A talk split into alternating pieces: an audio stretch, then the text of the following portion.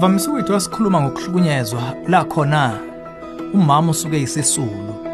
Kodwa namhlanje ohlelweni ezomndeni sizoncedo baba obhena nokuhlukunyezwa ngokomzimba unkosikazi wakhe. Lesilethe izinyathelo ezisithinta sonke kungakhathalekile ukuthi uhlobo luni lohlukumezo nokuthi ngubani umenzi wayo. Hlala ungasuki ohlelweni ezomndeni namuhla. Ngithatha ithuba ngikubengelele mlalelo omuhle. Ezomndeni uhlelo ukulethela izeluleko eziphathekayo ngapha ka focus on the family. Ubaba othole kanzima ngomoya kankosikazi wakhe ohlukumezayo. Usibhalile wathi Ngiphendule kanjani kunkosikazi odeba nomoya wodlame ekhaya. Kanye nakabili ngonyaka mina nonkosikazi wami siye sibe nokuphikisana ukuze kuphume esandleni. Ezikhathini ezithile usho izinto ezingcofayo ngami okubandakanya ukuthi ngiyakuzonda. Ngiye ngibeke phansi umoya. Lokho kugcina kumenza agcine senodlame imbala. Angijijele ngezinto aze azame ukungishaya ngikhahlele. Okwamanje angaze ngibhaya nokulimala okukhulu. Nokho ngikhathazekile uma kuukuthi kwakunesikhali kumbe kunesikhali eduze njengommese. Ekhathini eziningi unkosikazi omzana omuhle kabo ocula amahosana. Okwenza kube nzima ukuba abanye bangikhola uma ngixoxa ngomzimba engibhena bekhaya. Ngakube sengikhathazeke kweqa ngenze njani? Impendulo emfushane embuzweni wakho nguchabo. Awukhathazekile kweqe. Hlehlehle udinga uthatha inyathelo futhi ngokusheshsha. Ngokubuka kwethu ukuphuthuma kwesimo kusezingeni elikhulu ngenxa yokukhathazeka kwakho ukuthi kwakuzoba njani uma umama wakho wayisuke ngathola isikhala eduze. Irobot elibovuke leli elingenakweqiwa. Ungalutho ungajwayeleki kwalolu hlobo lokuhlukunyezwa nomoya okuyikhohlisa okuzizwa uphephile ngoba nakho phela into ethukela nje yenzeka. Uhlukumezo lwasekhaya ludinga ukubuka ngamehla abukhali noma kukuphi futhi noma kunini la kuthi thushu khona. Uma umshado usuphenduka udlame, iningi lethu siye sitshela ukuthi indoda yiyo engumhlukumezi bese unkosikazi abe ngumhlukunyezwa sisulu.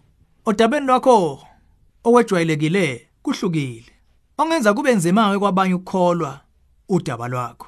Okuveza nawe usibonele nawe ukuthi kunjalo. Kukunika yonke imibuzo le ehlabayo njengokuthi wenze njani ngesikhathi unkosikazi wakho sekumsuka lokufa kwakhe.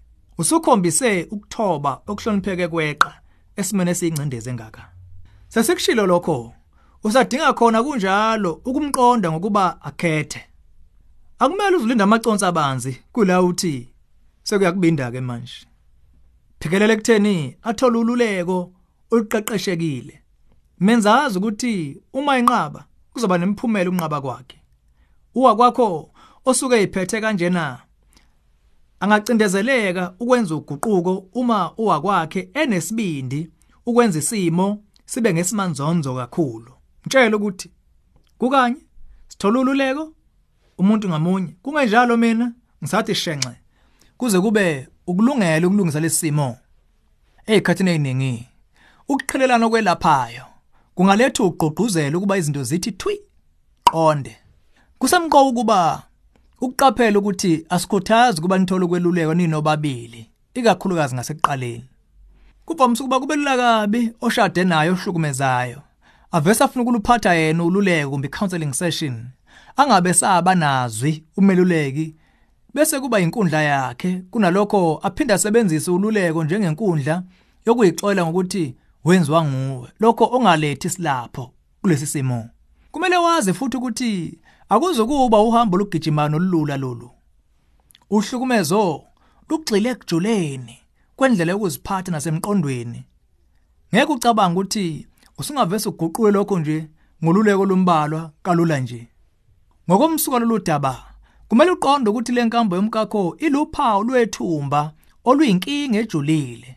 Ithika lakhe liyinkomba yongahleleka ithizeni obusebuqwini lengaphakathi lakhe. Ongayisifo leso esinqala ngokwe-psychology esivamise ukudalwa izimo zokungabi nowanamathela kuye eseyingane. Lesi sifo siziveza ngomqondo wokuzibulala ukudinwa ongenasidingo.